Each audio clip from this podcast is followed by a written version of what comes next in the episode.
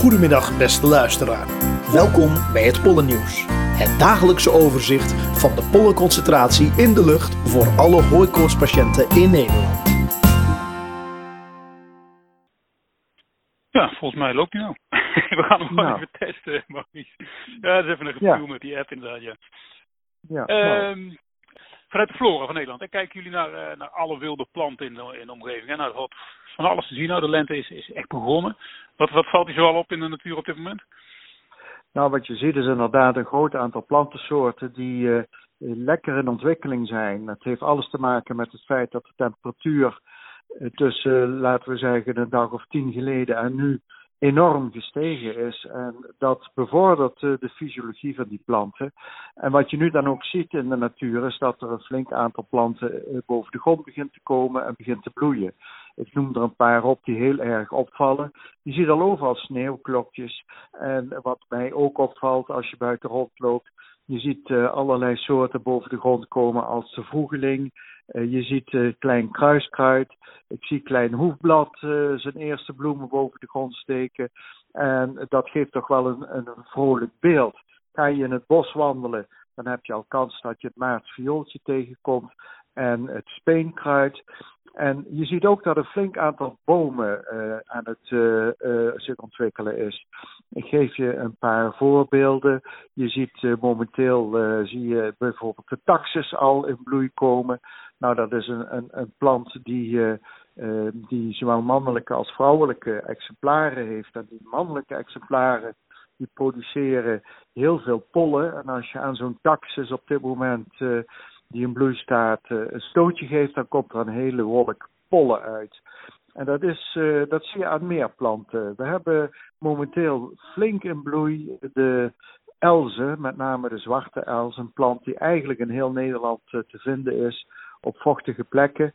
En daar komen eh, prachtige lange katjes aan, zo'n 12 centimeter lang. Ze kleuren dan van bruin naar geel-groen en laten heel veel pollen vrij. En dat kun je bijvoorbeeld in de stad zien, want er is nogal wat van die elzen hier en daar in steden aangeplant. Als zo'n katje op de grond valt, dan ligt er meteen een hele eh, hoeveelheid geel poeier omheen. En dat zijn allemaal pollenkorrels. En die pollenkorrels veroorzaken bij mensen die daar gevoelig voor zijn, hooikoortsachtige klachten. Nou, wat kunnen we op, dat moment, op dit moment nog meer zien? Eh, een beruchte boom die in bloei begint te komen is de es. En ook die produceert eh, pollen dat gevoelig is voor mensen. En eh, als je dat zo bekijkt, dan zie je daarnaast eh, de eerste wilgen en de eerste populieren bloeien. En ook die gaan heel veel pollen in de lucht brengen. En zolang de temperatuur zo hoog blijft, zal dat proces behoorlijk snel verlopen. Gaat daarentegen de temperatuur omlaag, en dat is eigenlijk de verwachting eh, voor het weekend en daarna, dan zal die ontwikkeling natuurlijk wat afremmen. En dat betekent dat er dan ook minder van dat pollen in de lucht komt, althans in een eh, korte tijdspanne. Je moet je beseffen dat eh, in ieder geval al dat pollen wat nu eh, gemaakt wordt in die katjes, dat dat pollen te enige tijd in de lucht komt en bij mensen problemen veroorzaakt. Wat je nog kunt zeggen met het mooie weer wat we nu hebben, er treedt ook behoorlijk wat smokvorming op. En eh, die smok die bevordert eigenlijk eh, de effectiviteit van het pollen. Eh, dus door die smok in combinatie met, met smok en pollen levert eigenlijk voor mensen die gevoelig zijn voor, voor pollenallergie, levert dat een extra prikkel op en dus ook extra veel last.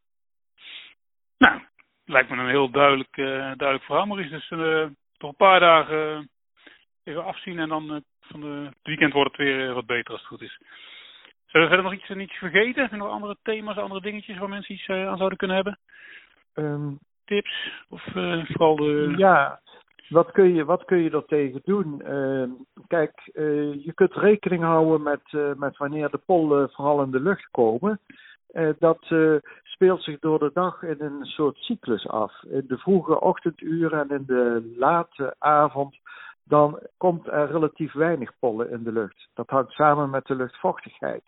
Maar overdag, zo tussen pakweg 12 uur en, en eind van de middag, een uur of zes, dan zie je dat al die pollenproducerende planten heel veel pollen in de lucht brengen. De lucht is dan droger en daardoor kan het pollen veel beter in de lucht komen. Dus als je activiteiten wil doen, doe dat dan in de ochtenduren. Uh, lucht ook je huis in de ochtenduren.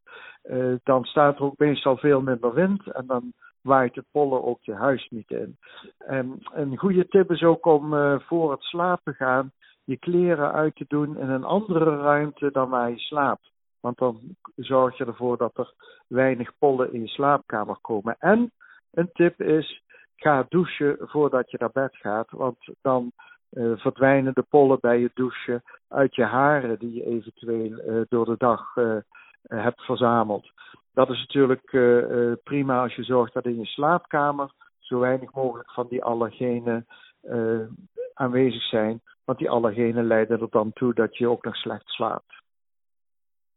Nou, Maurice, hartelijk bedankt. Ik denk, kunnen we weer volgende week weer bellen om te kijken wat er van dingen veranderd zijn na het weekend? Dan, dit ja, is een beetje... dat is prima. Ja. Oké. Okay. Hey, dan, dan laat ik hierbij nogmaals super bedankt. Uh, ja, dus uh, Maurice uh, Martens van Floor van Nederland. Hartelijk dank en uh, tot de volgende keer. Goedjes. Ja, tot ziens. Dag. Dit was het Pollenjournaal. Dank u voor uw belangstelling en wij wensen u nog een prettige en vooral luchtige dag.